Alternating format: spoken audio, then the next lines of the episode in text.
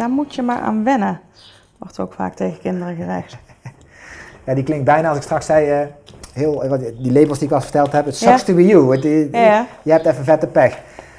Eh die geldt hetzelfde eigenlijk voor de cliché als, als eh, daar word je hard van. Eh, ja, die kun je best een keer zeggen, die kun je best een keer gebruiken. Maar als het al drie keer op een dag gebruikt wordt, te pas en te onpas, dan verliest het zijn kracht. Eh, dan is het meer een, een soort afschuiven van ik wil eigenlijk geen antwoord geven op je vraag. Ik hoor eh, ouders ook wel eens zeggen op de vraag wat eten we vanavond, eh, dan zeggen ze koude aap met suiker. En, en op de mom van ik wil de vraag eigenlijk niet meer horen. Maar dan denk ik dat je allebei een beetje eh, eh, niet eh, van elkaar begrepen hebt wat de vraag is naar elkaar toe.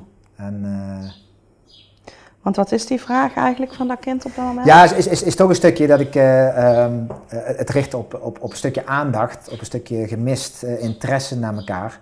Ehm, want als het kind iedere keer weet dat ze te horen krijgen dat het heel vies eten is, ja, dan zou je bijna kunnen zeggen van dan wachten ze wel met de vraag stellen.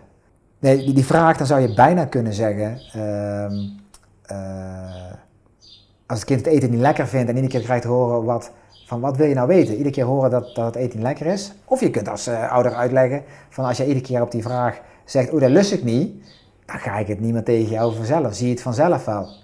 Maar dat stuk uitleg missen we vaak. We reageren in onze eh, antwoord vaak die emotie, die dan vaak weer niet opgepakt wordt. En dan komt een andere vraag overheen of dan wordt het vervelend.